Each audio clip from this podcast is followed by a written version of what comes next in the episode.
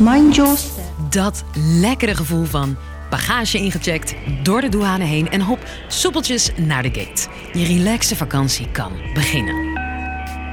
Niet voor veel reizigers die op de eerste dag van de meivakantie vanaf Schiphol wilden vertrekken. Zoals een KLMster zei, is het een absolute chaos, is het een mes. Want het bagagepersoneel van KLM besloot te staken. Gevolg? Vertragingen, annuleringen en dampend volle vertrekhallen. Zo vol dat de luchthaven zelfs moest worden afgesloten. Nee, ik ben er niet vrolijk van. Ik sta helemaal bezweet hier. En ik ga gewoon weer naar huis. Waarom besloot het bagagepersoneel zo plotseling te staken? Ik ben Sophie en dat leg ik je uit. Lang verhaal kort. Een podcast van NOS op 3 en 3FM. Eerst mijn collega Linda van de economieredactie over wat er gebeurde.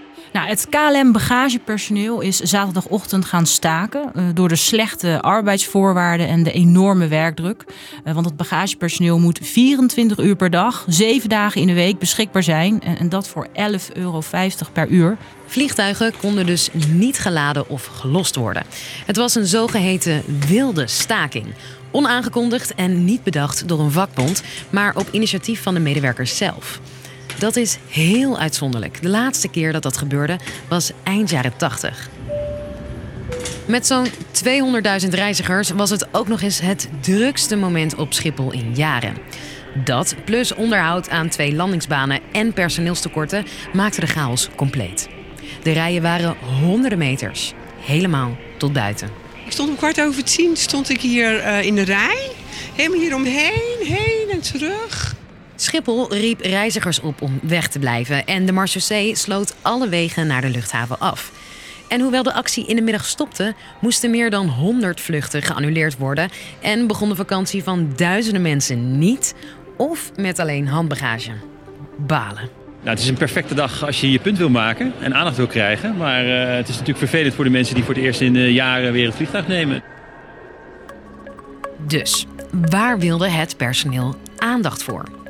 Nou, er is al heel lang onvrede over hun naar eigen zeggen lage lonen, slechte arbeidsomstandigheden, flexibele contracten en hoge werkdruk. Wij spraken Walter, die langer bij de bagageafhandeling werkt dan dat ik oud ben. De werkzaamheden zien eruit van het laden en lossen van bagage, post en vracht in de vliegtuigruimen. Ja, dat is natuurlijk in, uh, wat ik zeg, 24-7 in weer en wind en uh, fysiek zwaar. Want uh, ja, je kan nagaan hoe zwaar vracht en, en bagage kan zijn. En dat wordt allemaal handmatig verwerkt. Zit je al snel op de, op de 2000 koffers die je aanraakt op één dag. En ze doen hetzelfde werk als een tijdje terug, maar met minder mensen. Dan merk je van dat de mensen die die, die koffers moeten sjouwen, vermoeid raken en uh, gezondheidsklachten ontwikkelen.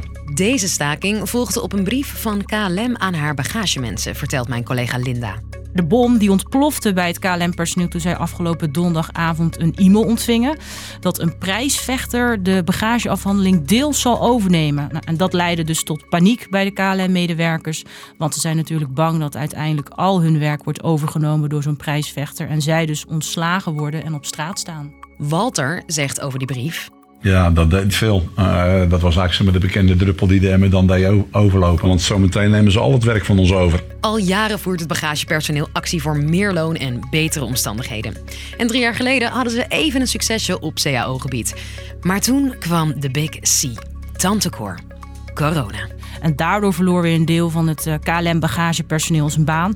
En de mensen die bleven werken, die moesten salaris inleveren. Uh, want die afspraak heeft KLM met de overheid gemaakt. Uh, zodat zij dus een lening van 3,4 miljard euro kregen tijdens de coronacrisis. En toen medewerkers van andere bagagebedrijven er vorige maand wel geld bij kregen... en nu zo'n 14 euro per uur verdienen, groeide de onvrede.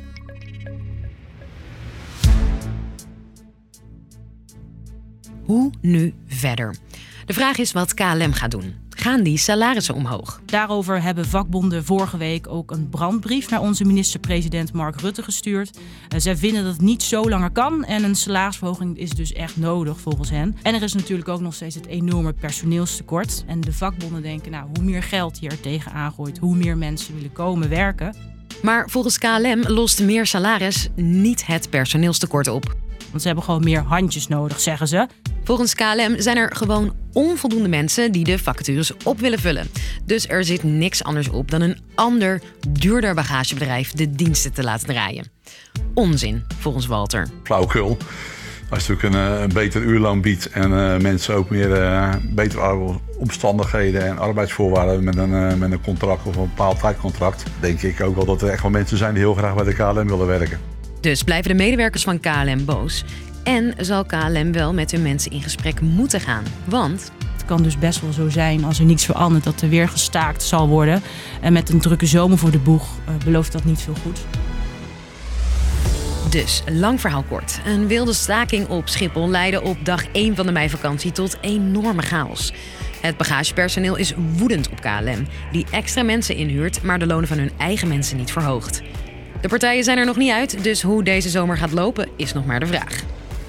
Morgen, rond de klok van 5, vliegt er weer een nieuwe aflevering voor je in de app. Bedankt voor het luisteren en tot de volgende.